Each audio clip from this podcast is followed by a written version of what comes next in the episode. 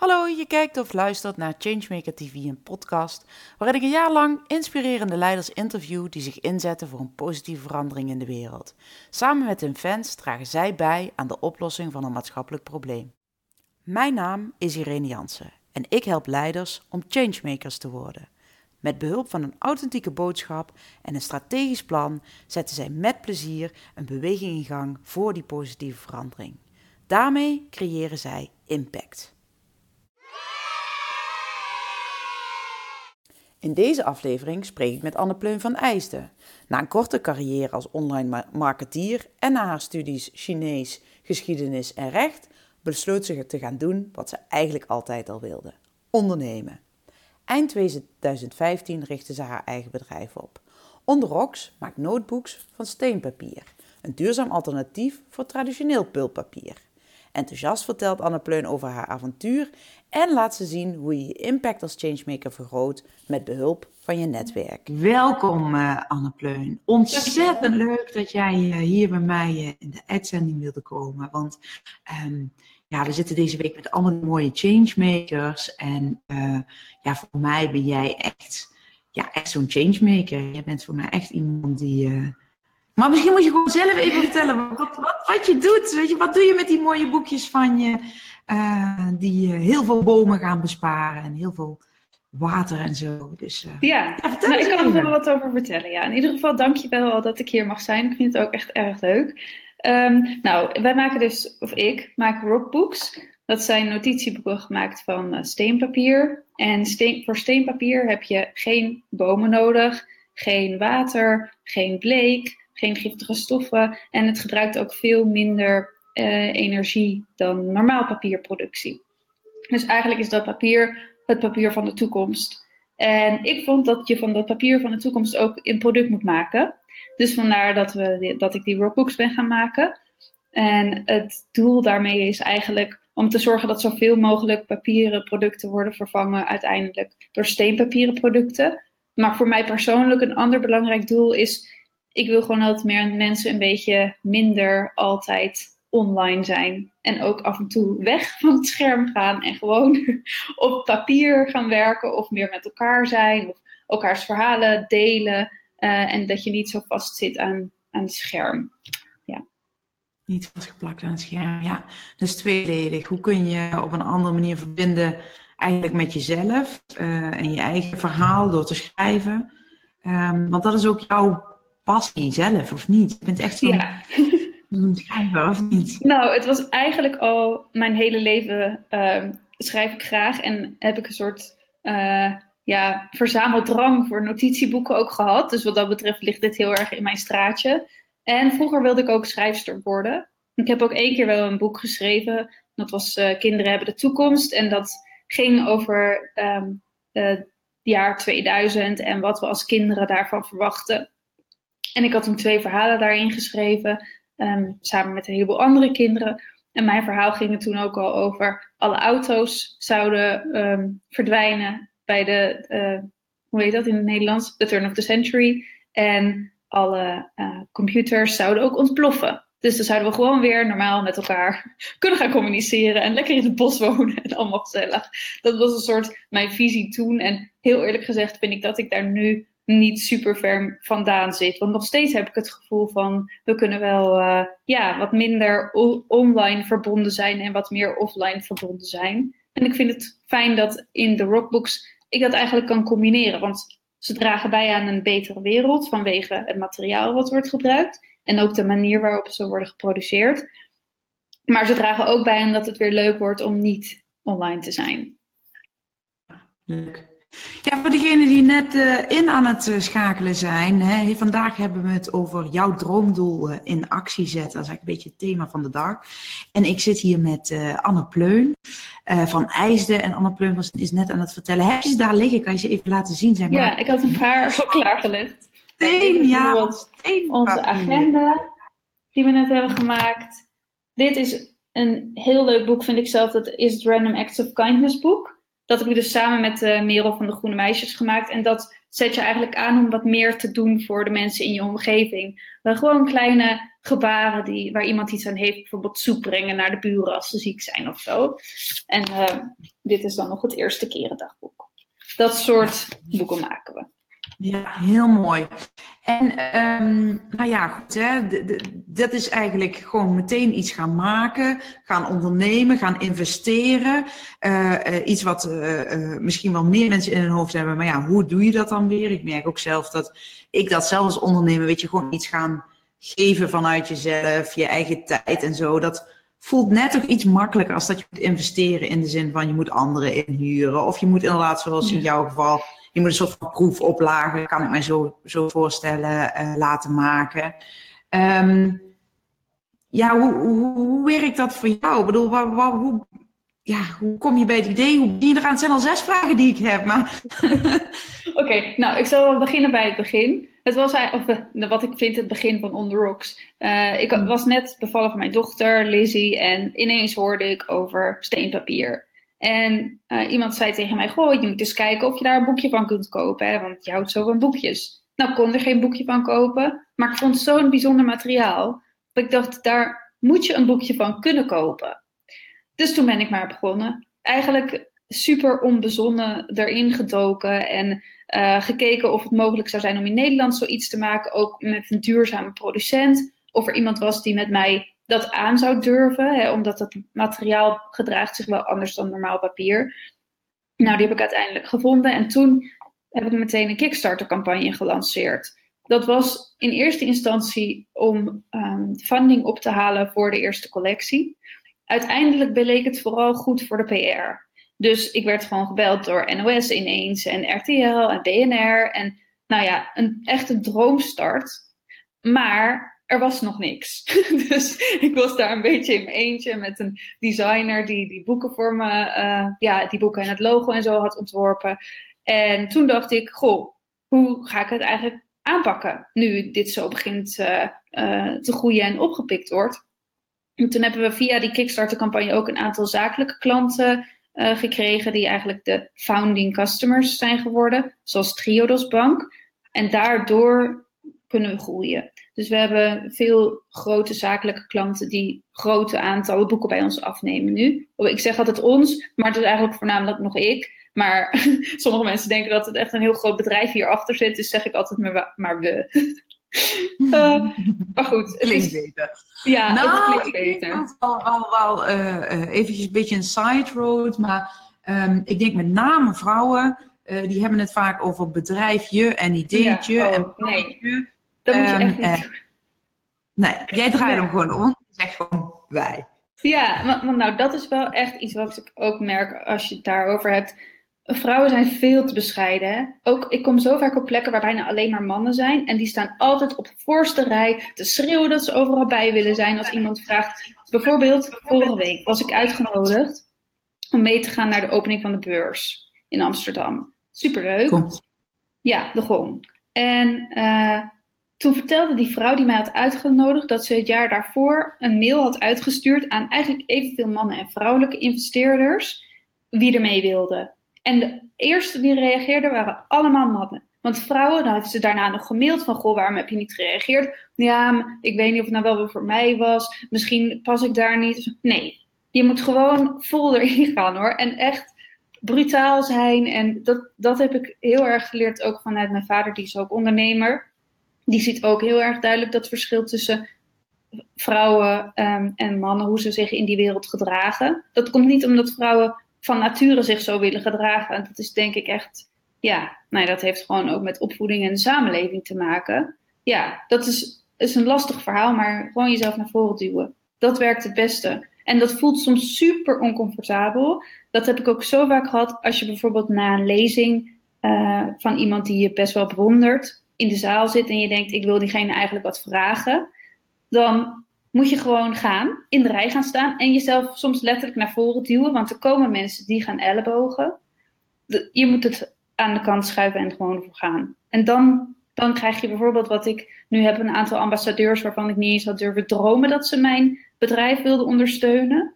Wat in, als je het echt zou gaan definiëren, misschien nog een bedrijfje is, maar dat noem ik het nooit. Want ik vind dat niet. Dit wordt gewoon straks het grootste notebookbedrijf van de wereld. Dat klinkt super arrogant misschien, maar als je er niet zo in staat, ja, je moet echt voor het grootste doel gaan, denk ik. En dan kom je misschien ergens in het midden uit en dat is ook prima, maar niet zeggen bedrijfje, want dat is, dat zonde. Ik vind of die het zitten, zitten te kijken, herken je dat? Dat je denkt van, oh jee, weet je wel, ik moet mezelf ja, naar voren, hè, nou, dus in zo'n rij bij een spreker naar voren duwen. Of ik moet, ik wil heel graag iemand bellen om mij te helpen. Of nou ja, weet ik wat. Um, voor degene die zit te kijken, als je dat herkent. Uh, of als je een voorbeeld wilt delen, doe dat ook uh, vooral. Ik uh, lees ondertussen mee en praat verder met Ehm, met Anne Ja, zegt uh, Lynn, natuurlijk, waarom zou je jezelf vooraf beperken? That's the spirit, toch? Ja, inderdaad. Dat moet je echt niet doen. Je, je merkt die beperkingen vanzelf als je er een keer tegenaan loopt en dan vind je er wel weer een oplossing voor.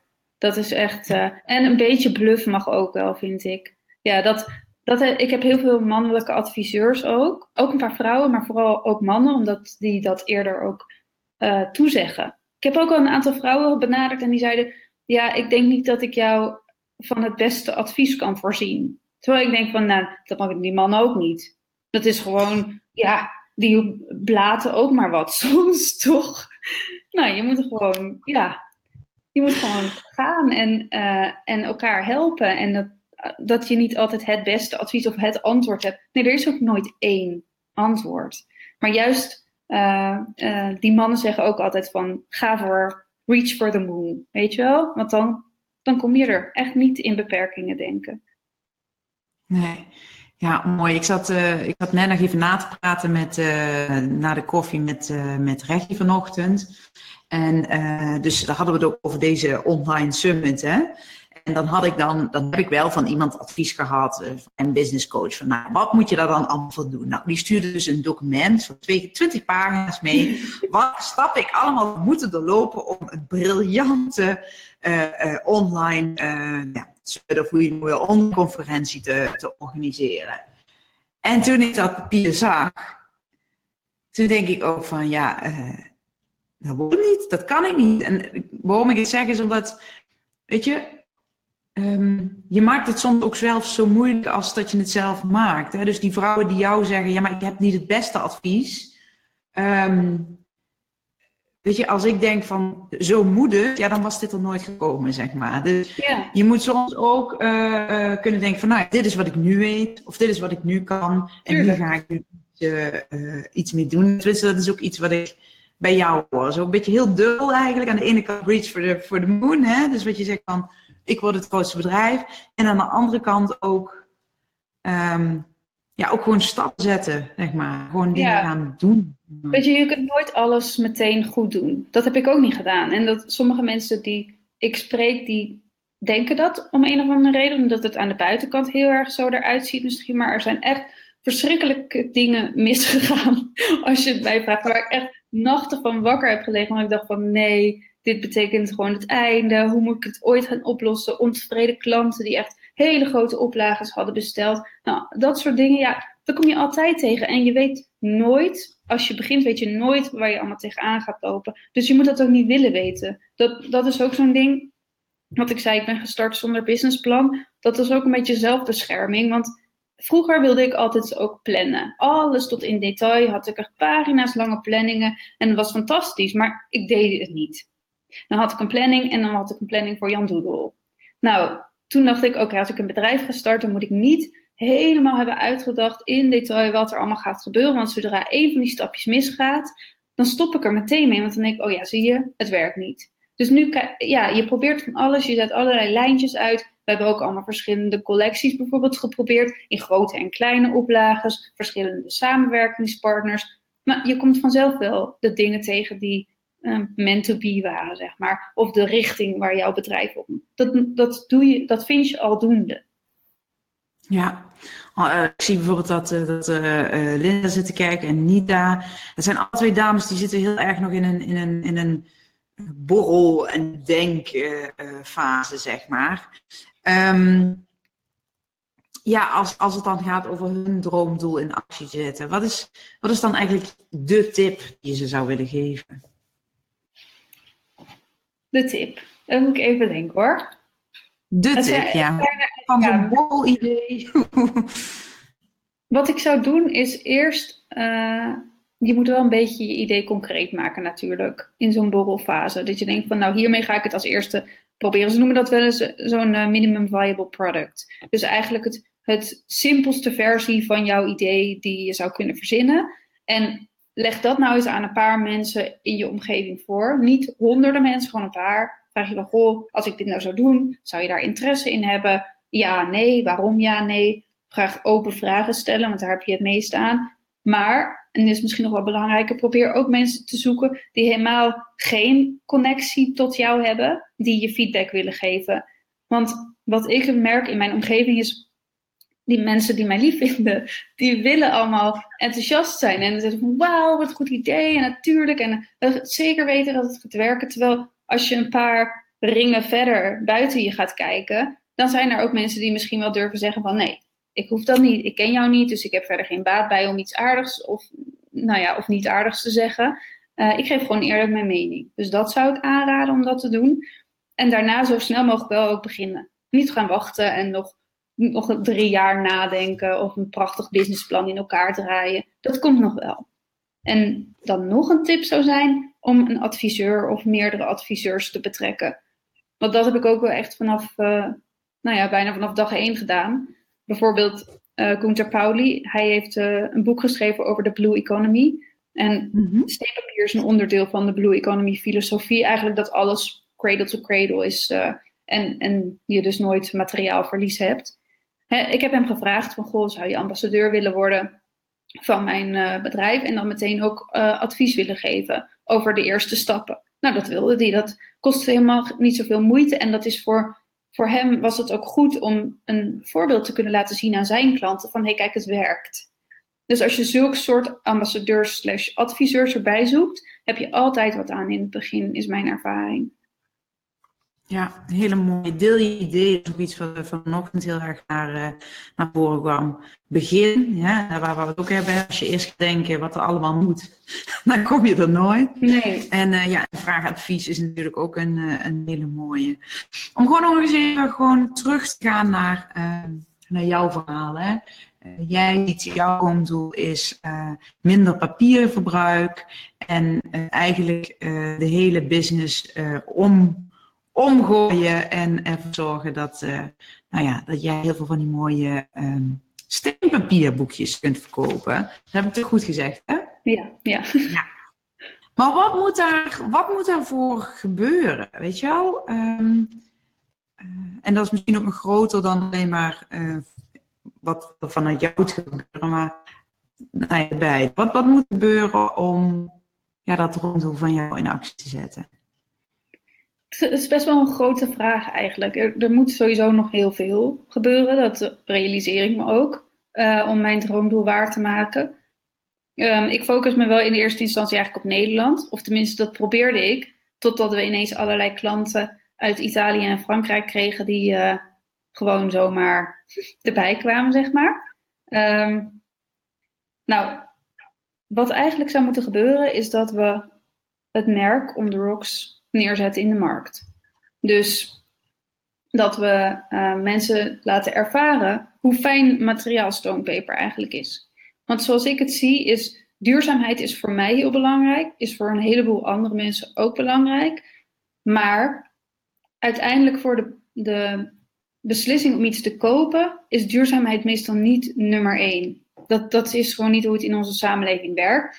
Dat is ook waarom ik het als mijn missie zie op dit moment om die notebooks gewoon aantrekkelijk te maken. Het moet mooi zijn, het moet sexy zijn, net als de niet duurzame variant en het liefst nog beter. Zodat mensen het hm. willen hebben op hoe het eruit ziet, op wat het is en niet uh, omdat het nou het allerduurzaamste alternatief is, want daar zijn we gewoon nog niet.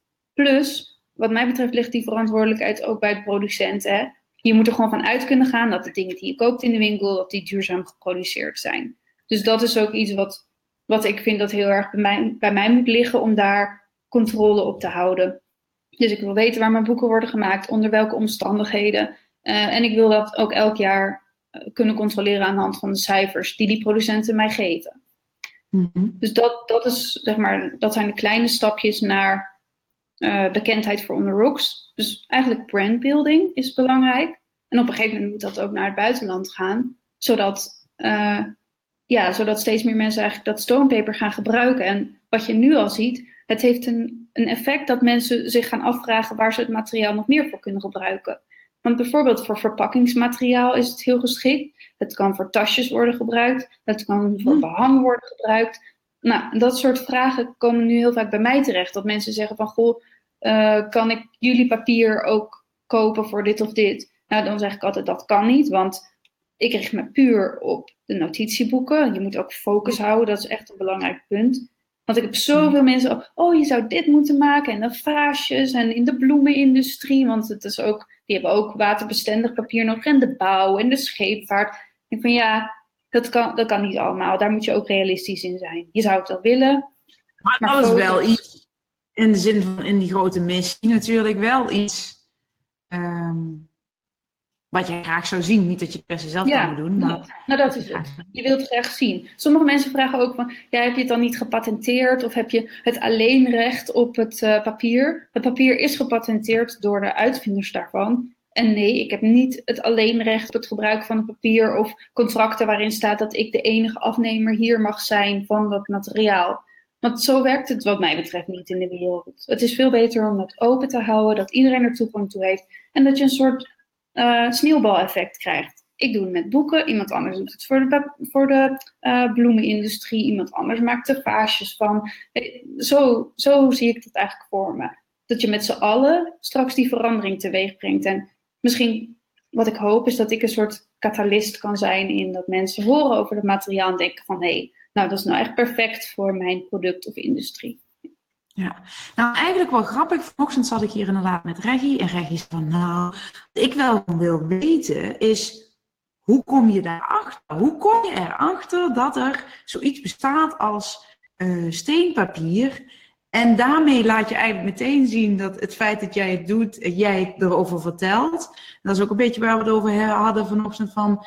Um, Ga het gewoon vertellen. Want doordat jij nu dit doet en jij kiest ervoor om die boekjes ervan te maken en je zegt van ja, ik moet me ook ergens op concentreren. Maar andere mensen steek je weer aan, zo gezegd, met jouw ja. uh, verhaal. Het zijn twee dingen die ik tegelijkertijd wil zeggen, maar om, om ook die vraag van Reggie nog eens in te brengen. Als je trouwens nu zit te kijken en je denkt, hé, hey, ik wil ook meer weten. Ik zie dat Dianne is ingeschakeld, onder andere. Uh, dus als je zegt, ik wil eigenlijk ook nog wel meer weten over dat uh, steenpapier, dan uh, schrijf jouw vraag even op in de chat, dan nemen we die zo mee. Maar misschien kun jij ondertussen, Anne, gewoon eens vertellen, ehm, ja, hoe, hoe, kom je er nou achter dat het bestaat en hoe ga je, weet je, steenpapier? Ja, nou, praten is het belangrijkste. Praten en de deur uitgaan. Dat, dat is ook. Zijn allemaal, het klinkt allemaal zo hele simpele adviezen. Soms dan hoor ik mezelf en dan denk ik, ja, bla bla, cliché op cliché. Maar die clichés zijn er dan niet voor niks, denk ik ook. Uh, het is gewoon belangrijk om de deur uit te gaan en te praten met mensen die bijvoorbeeld op events zijn die jouw interesse hebben. Wat voor mij zouden dat bijvoorbeeld events over duurzaamheid zijn. Of um, misschien zouden het wel uh, uh, beurzen zijn voor consumentenproducten zoals uh, de Show-Up in Amsterdam. Daar zie je dan allemaal het nieuwste van het nieuwste. Er lopen trendwatchers rond. Je kunt daar lezingen volgen van die mensen. Nou, op die manier hoor je de ontwikkelingen in de markten die je interessant vindt. Dus ja, dat, ik denk dat dat belangrijk is. En wat me ook wel helpt nu, met, nu ik een eigen bedrijf heb, is me aansluiten bij um, groepen ondernemers. Bijvoorbeeld de B Corporation dat is eigenlijk een certificeringssysteem, maar ook een groep van bedrijven die zo duurzaam mogelijk werken. En dus hun bedrijf inzetten voor een betere samenleving en niet alleen maar voor uh, geld verdienen. Mhm. Bijvoorbeeld Dopper. En dat is B Corporation? Ja, B Corporation heet dat. Dat is eigenlijk sinds een paar jaar pas in de EU ook. Het komt uit de VS en daar zit bijvoorbeeld Ben Jerry's als een van de mhm. grote bedrijven erbij. En Etsy zit daarbij. Um, en in Nederland zit Dopper en Tony Chocolonely, Waka Waka, de Fairphone zit erbij, um, Snapcar. Nou ja, allemaal best, best bijzondere bedrijven. En On Rock zit daar dus nu ook bij. Uh, het was een heel gedoe om uh, uh, ja, om zeg maar als klein bedrijf gecertificeerd te worden. Maar het is gelukt. dus dat ben ik heel blij mee. En het voordeel daaraan is, ik spreek met die mensen van die bedrijven en niet ehm, met de receptie, maar gewoon met de mensen die op uh, social media zitten, met de mensen die het bedrijf hebben opgericht. En die kunnen me van alles vertellen over hun industrie. Hoe gaat het daar? Wat missen ze? Uh, wat, vinden ze lastig om, om uh, hun product nog beter te maken? Door die gesprekken herken je dan vanzelf nieuwe kansen in de markt. En niet, ik ga die niet, niet doen, want ik ben nu bezig met On The Rocks. Maar ik heb al wel een paar keer gedacht van, hmm, als ik nou niks te doen had, dan was ik toch dat gaan doen, weet je wel? er ligt zoveel kansen. Um, ideeën, ja. Ja, ideeën genoeg. Ja, um, ik, wil heel graag nog even, hoe kom je erachter dat uh, uh, steenpapier bestaat? En uh, ik heb ook nog wel iets opgeschreven voor daarna, maar ja. vertel eens even dat verhaal. Hoe kom je nou gewoon... Ja, dat was eigenlijk ook heel simpel. Een, een ondernemer die ik kende, die was op reis in Azië gegaan langs fabrieken die dus um, duurzame materialen maakten. Eigenlijk materialen die cradle-to-cradle -cradle gecertificeerd zijn om, omdat hij um, zelf bezig was met een bedrijf die ook zo'n soort producten zou gaan maken in een hele andere industrie, de, de zonnepanelenindustrie. En die kwam terug daarvan en was zo geïnspireerd hierdoor. En ik praatte met hem daarover en toen vertelde hij mij dit. Uh, en hij kende mij ook een beetje. Dus dat, hoe ik daarachter kwam was via hem. Nou, toen heb ik gewoon gevraagd: wil je me in contact brengen met die fabriek? Um, het is een familie die dat heeft gedaan, die, die runnen ook dat bedrijf. En um, nou, ik ben dus met de, met de directie daar in contact gebracht. En die waren super enthousiast dat er iemand uit Europa iets met dat materiaal wilde gaan doen. Want het is natuurlijk wel, ja, iedereen zou je denken, kan dat, daar, dat papier daar vandaan halen of daar boekjes van maken. En natuurlijk is dat ook zo, maar niet iedereen doet het. Snap je? Het is, het is best wel um, een, een ingewikkeld proces, toch? denk ik. Het is best wel een drempel waar je over moet om een consumentenproduct te gaan maken. Maar als je het eenmaal doet, dan loont het altijd. En dan, um, ja, die, die mensen zijn gewoon heel erg blij dat ik met mijn kennis van de Europese markt dat heb opgepakt. Want dat is ook, ik heb een tijdje ook in Duitsland gewerkt. Uh, en daar zat ik in een internationaal team. En daar merkte je ook je hebt echt zulke grote verschillen nog tussen zelfs landen binnen de EU, maar helemaal als je daar buiten gaat kijken. Ja, toen ik in China, ik heb een tijdje ook in China gewoond, en daar merk je dat ook zo erg, dat als een Chinees materiaal, in dit geval de stonepaper, als dat naar de EU wil, dan dat is helemaal niet makkelijk. Want die snappen bijvoorbeeld al niks van wat wij zouden willen kopen, wat moet er op de kaft staan, welke boodschap is voor, voor ons belangrijk. Nou, zulke soort dingen, daar, daar, daar kun je gewoon een soort partnership over aangaan. Dus dat heb ik gewoon aan hen verteld. Dit is mijn plan. Uh, ik zou het leuk vinden als ik uh, jullie papier kan gebruiken. En als jullie mensen willen ondersteunen met um, uh, producenten die me zouden kunnen helpen. Wat zijn de technische specificaties? Allemaal details. Maar eigenlijk nog steeds heb ik veel contact met die mensen. Gewoon om te vertellen hoe het gaat. Ja, en dat is voor hun ook goed nieuws. Ja, super. Hey, en um, dat is eigenlijk meteen uh, uh, de vraag die ik net ook had: van um, als ik dit zo allemaal hoor, en ik kan me zo voorstellen dat die die zitten te kijken dat ook hebben van: wow, maar dit, weet je, hoe, hoe ga je nu die telefoon oppakken? Hoe ga je dat nu? Hoe ga je dat nu doen, weet je? Uh, die certificering en bellen naar die fabriek en weet je, dat allemaal. Ja, moet, ik, moet, ik, even denken hoor, hoe dat... Nou ja, ik ben wel vaak zenuwachtig geweest. Het is wel uit je comfortzone stappen vaak.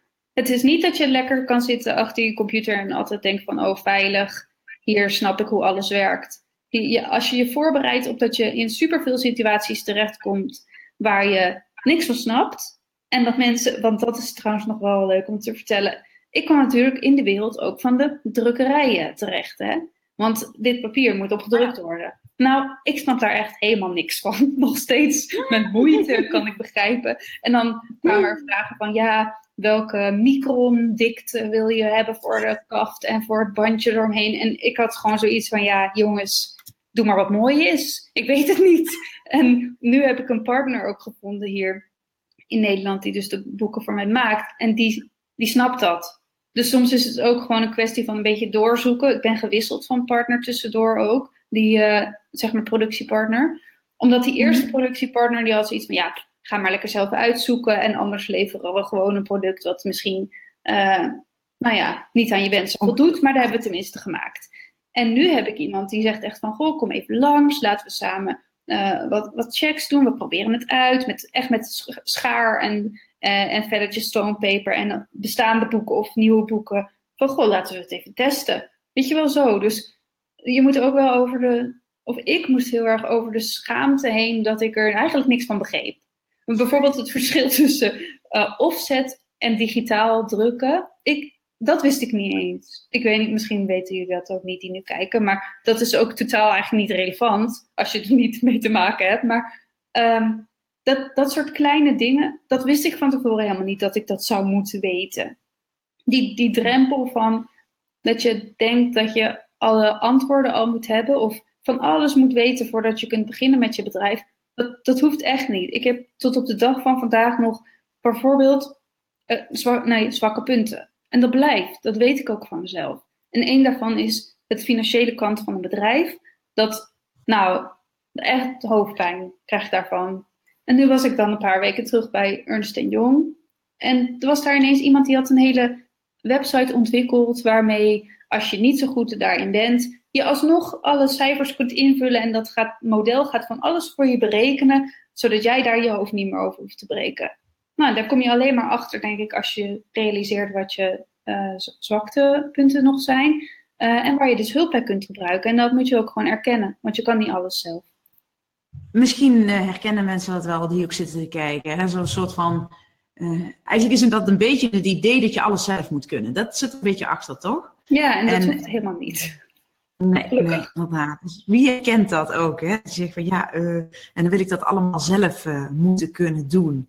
Of dan vind ik het lastig om, uh, om hulp te vragen. Hè? Dus dat, dat is dan in de volgende. Eerst snappen van het hoeft niet allemaal zelf. Ja, en dan die telefoon op gaan pakken om iemand hulp, hulp te gaan vragen. Ja. Um, nou ja, we hebben het dus over die mooie boekjes hè, van, uh, van steenpapier. Ik zie dat er uh, af en toe nog mensen binnen en buiten uh, komen. Um, en dat bedrijf wat jij nu gewoon een jaar of zo, hoe lang nu bezig? Nee, bijna twee jaar. Bijna twee jaar geleden bent, bent gestart. Um, het wordt het grootste bedrijf wat alternatief papier in boekjes maakt. Hè? Dat, dat heb je ons net zitten vertellen. Daarmee los jij de ontbossing op en het waterverspilling en alle productieprocessen uh, uh, die, uh, ja, die er eigenlijk, verspilling die er eigenlijk bij het papier van, van, van hout komt kijken. Um, nou, nu heb je ook een idee van hoe jij met je bedrijf, hè, want je kunt niet alles doen, maar hoe jij met jouw bedrijf daaraan bij kan dragen. En ook weer anderen kunt inspireren om dit product te gebruiken. Maar ik ben ook zo nieuwsgierig van, maar wie zijn eigenlijk uh, jouw fans op dit moment? Wie zijn de mensen die zeggen van ja, um, dat, dat, dat moeten we hebben, dat papier en die boekjes, dat moeten we hebben? Dat, ja, het zijn verschillende categorieën. Net schakelt in, dus uh, welkom Nanette. Uh, Hallo, ja. welkom. Boekje van steenpapier, daar hebben we het over. En hoe ga je ja. zo'n bedrijf uit de grond stampen? Uh, en wie zijn die fans? Ja. Mijn fans zijn eigenlijk uit twee categorieën. Dus aan de ene kant hebben we bedrijven die klant zijn uh, van On nu. En dat zijn toch vooral de duurzame bedrijven. Um, bijvoorbeeld Triodos Bank is natuurlijk heel voor de hand liggend. Um, maar we hebben ook een heel groot bedrijf uit Frankrijk. Dat is een soort campus voor de, de toekomst. Dus zij gaan daar een soort dingen ontwikkelen uh, die steden nodig kunnen hebben om klaar te zijn uh, voor de toekomst en om meer circulair te werken. Nou, dat, dat past gewoon supergoed. Dopper is ook een klant van ons. Um, dat komt dan weer uit dat eh, B Corporation netwerk. B Corporation zelf is ook een klant van ons. Nou, je ziet eigenlijk een trend dat het allemaal bedrijven zijn die iets met duurzaam hebben, maar oprecht. Uh, en dat is voor mij ook een les geweest, want dat, dat wist ik niet in het begin. Ik wist niet dat dat mijn doelgroep zou zijn. We hebben ook klanten gehad uit meer traditionele hoek. Uh, bijvoorbeeld Mensis is ook een klant eigenlijk. Maar Mensis is niet dan een klant die terugkomt. Dus die doen dat één keer om het als cadeau te geven uh, aan relaties. En daarna gaan ze weer door naar het volgende. Dus die zien dat dan meer als een gadget. dat zijn ook leuke klanten voor ons. En ik vind het fijn dat die tussendoor komen. Maar de echte harde fanbase, denk ik, zijn vooral de duurzame bedrijven. En dan de consumenten. Die in het, in het DNA van hun organisatie, in de waarde van de organisatie hebben zitten. Wij willen dingen zo duurzaam mogelijk. Uh, ja, die willen niet eens meer anders dan, dan dit. Met alle producten die ze gebruiken. En dan hebben we de consumentenmarkt. Ja, dat was, dat was een beetje aan het wisselen. Eerst waren het vooral mannen die uh, klant waren van ons. Ook mannen die houden van gadgets. Dat zag ik als ik publicaties kreeg op websites uh, die heel erg over gadgets gaan. Kregen we heel veel verkoop uit. En als we publicaties hadden, uh, bijvoorbeeld in de libellen, dan viel het eigenlijk heel erg mee. En nu denk ik dat het komt door het design van onze standaardcollectie. Dat zijn gewoon kleurtjes met golfjes. En dat spreekt vrouwen blijkbaar niet zo erg aan als je het vergelijkt met de andere boeken. Dat weet ik niet precies, want ik heb er geen onderzoek op losgelaten. Maar dat is ook. Ik denk dat je ook vaak van je gevoel uit moet gaan als ondernemer. Nou, nu hebben we die nieuwe collectie gemaakt met die. Zo, dit zal nog een keer laten zien met al die ja, bloemen en planten. En dat mhm. zijn eigenlijk alleen maar vrouwen die dat kopen. En de andere vrouwen die bezig zijn met bewust leven, niet per se uh, alles heel duurzaam doen, maar die wel zeggen van, goh, als er dan toch een betere optie is, dan kies ik liever daarvoor. Plus mensen die houden van schrijven. Dat is belangrijk voor mij ook. Mensen die heel erg veel waarde hechten aan kwalitatief papier. Uh, dit papier is heel zacht, het schrijft ook best wel soepel. Tenminste, uh, dat, dat vind ik ook. Um, die, uh, die gebruiken dat graag. Dus ja, er zijn verschillende soorten fans. En de echte mensen die ons toejuichen en die ook over ons delen op social media. Je merkt dat dat de, uh, ja, ik noem ze maar pioniers, zeg maar, zijn. Mensen die heel geïnteresseerd zijn in het nieuwste van het nieuwste, bijzondere projecten. En die delen dan On The Rocks als project van, gewoon moet je hier eens naar kijken. Ja. Ja, ja. Nou ja, eh, die daar herken ik mij wel zeker in. Ik ben absoluut, uh, absoluut fan van, van, van die mooie boekjes. Ik heb nog wel van de oude collectie, of de standaard collectie, of je noemt, het laatste boekje besteld. Heel mooie, inderdaad, geometrische figuren. Ehm, maar zeker als je nog meer, ja, meer vrouwelijke dingen gaat doen, hè, zo dan even zo gezegd, wat, wat ronder, wat vloeiender. Ja. dan ga ik uh, dat ga ik ook zeker in de gaten houden. maar um, hoe krijg je nou die, die, die fans van jou ook in actie? En voor jou is het in die zin dan eigenlijk um, redelijk um, ja, simpel of, of ja, nou ja, het is maar simpel, noem maar goed. Jij wil eigenlijk zoveel mogelijk mensen kennis laten maken met dat steenpapier. En dat ze dus aan de slag gaan met die boekjes van jou. Maar hoe, hoe krijg je ze zover? Hè? Want ik kan wel zeggen van, oh, uh, hè, zoals bij mij ook. Ik zag een artikeltje in de krant en ik denk, oeh, dat is gaaf. Hè? Uh, jonge onderneemster, uh, mooi product. Maar hoe krijg je mensen dan zover dat ze ook zeggen van, ja, ik wil, ik wil, hè, ik wil ook dat steenpapieren boekje hebben, zeg maar. Ja, dat is uh, een, echt een goede vraag. Ook een belangrijke vraag als je natuurlijk net je bedrijf start. Het beste advies wat ik daarover heb gekregen komt van de oprichter van Dopper. En die zei eigenlijk, je moet ervoor waken dat je in het begin je eigen uh, promotor wordt.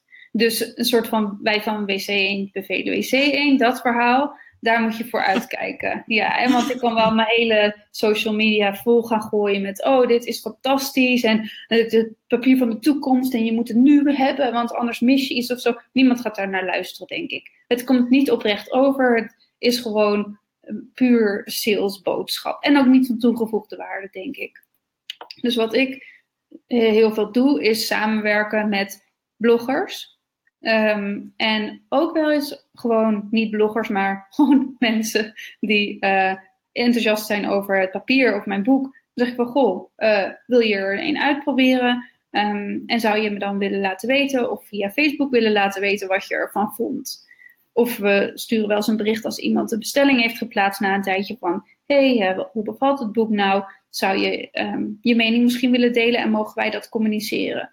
Dus soms vraag ik actief om een uh, mening. Maar bij die bloggers en vloggers is dat wat lastiger. Want als je daar actief vraagt om meningen, dan moet je vaak voor betalen.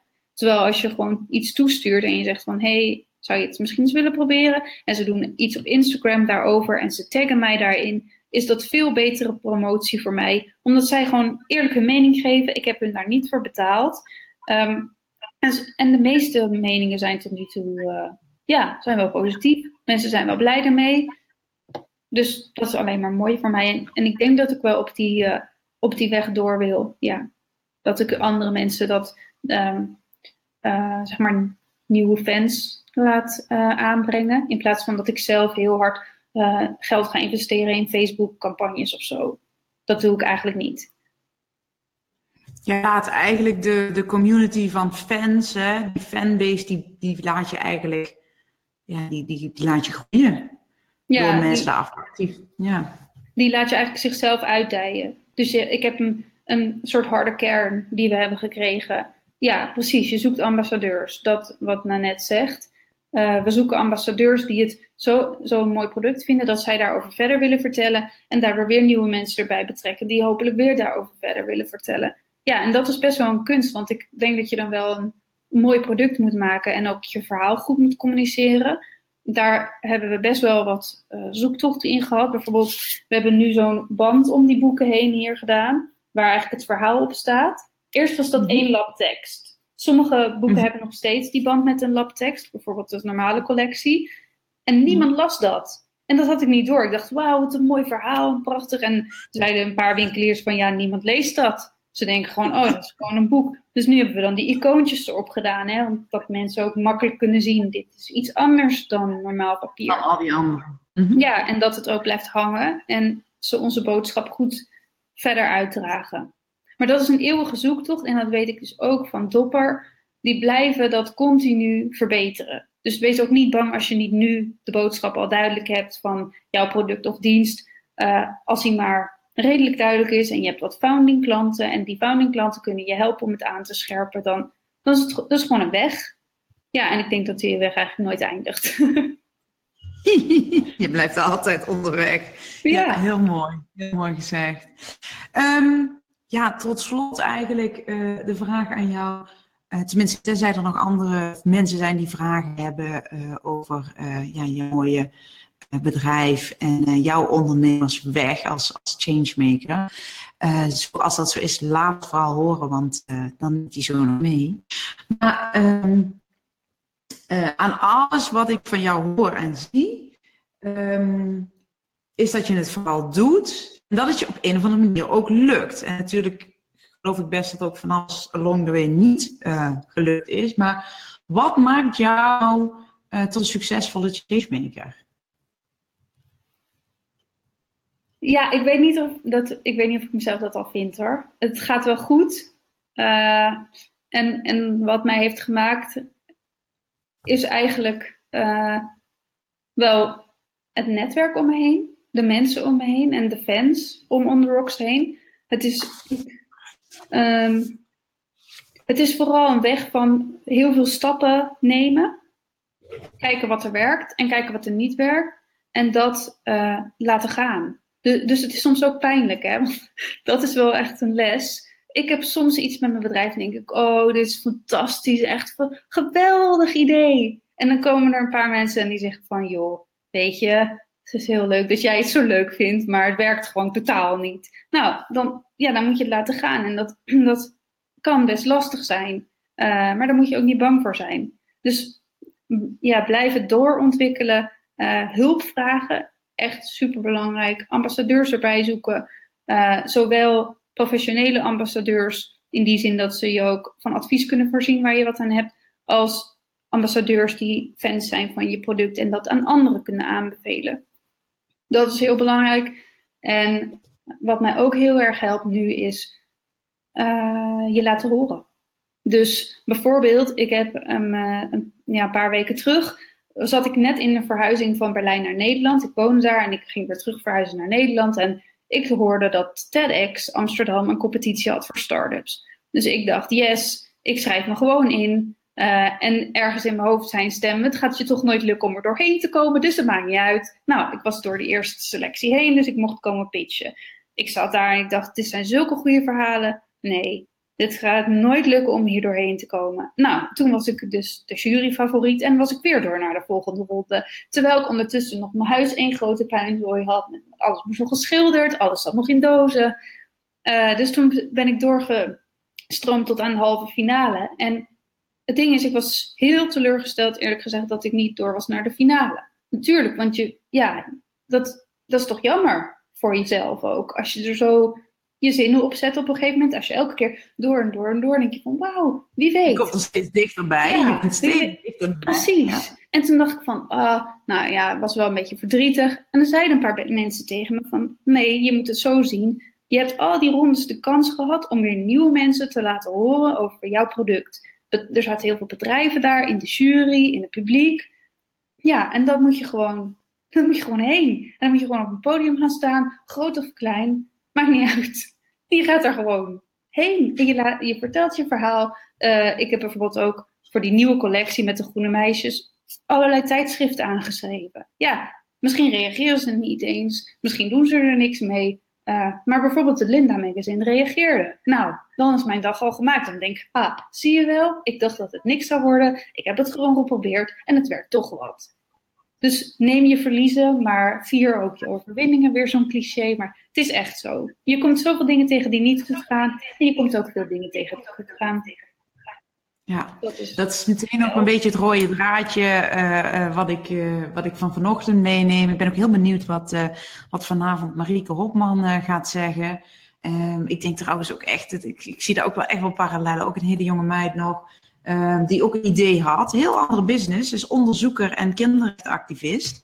Um, en ze denken, ja, uh, dan moet iets gebeuren. Er was geen baan, er was geen onderzoek, er was niks. En ze gingen het toch gewoon doen met een crowdfunding. En zij is de eerste in Nederland, de eerste onderzoeker in Nederland, die gewoon haar hele uh, onderzoek en, en, en, en niet alleen onderzoek doet, maar ook meteen actie achter verbindt, uh, verbindt als activist. Uh, in Nederland die dat met, met crowdfunding heeft gedaan. Dus ja, dat is zit wel parallellen. Ja. ja. Um, maar dat is wel een beetje wat ik zo al, al, al meepik. Hè, als het gaat over het thema van de dag.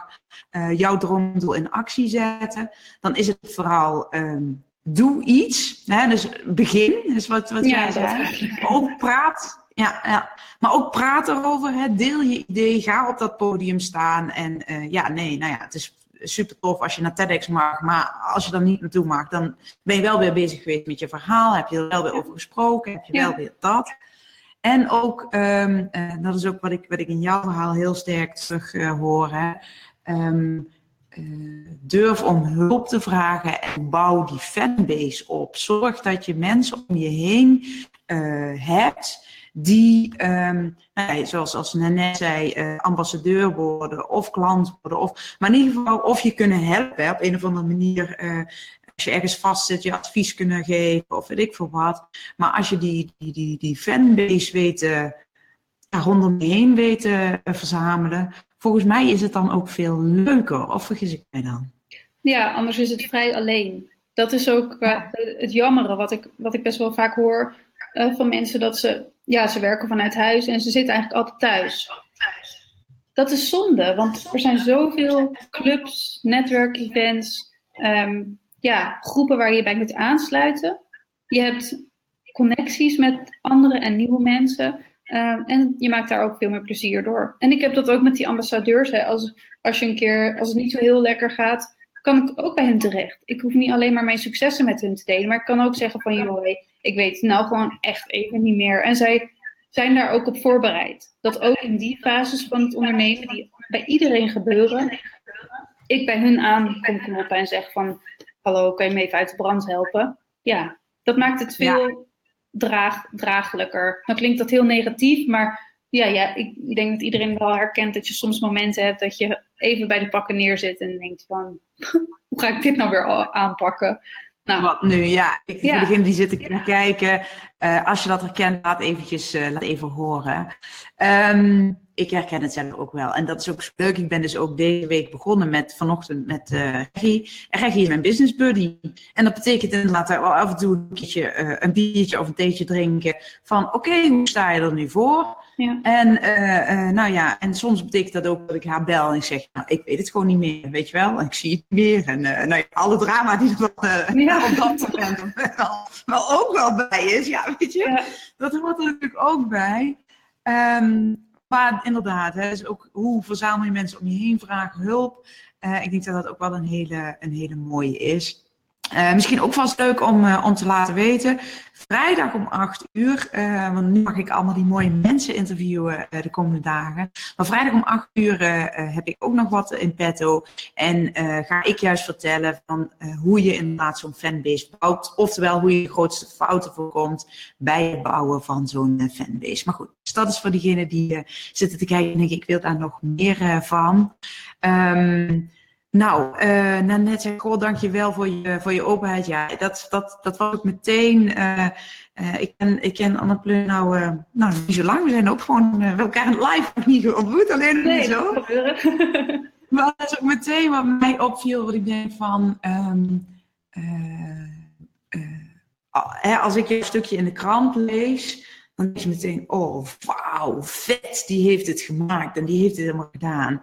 En uh, ik vind het dus heel erg leuk en heel uh, bijzonder dat je gewoon um, ja, ook deelt van, hey joh, uh, ik ga ook op mijn snuffert. En, maar, ja. maar laat het je er niet van weerhouden of zo. Hè? Dat is eigenlijk wat ik uit jouw verhaal ook vooral meeneem. Ja, ja, dat is ook wel, ik vind dat een belangrijke boodschap. Je hoeft daar niet bang voor te zijn. Het is ook onderdeel van je leven. Ja, toch?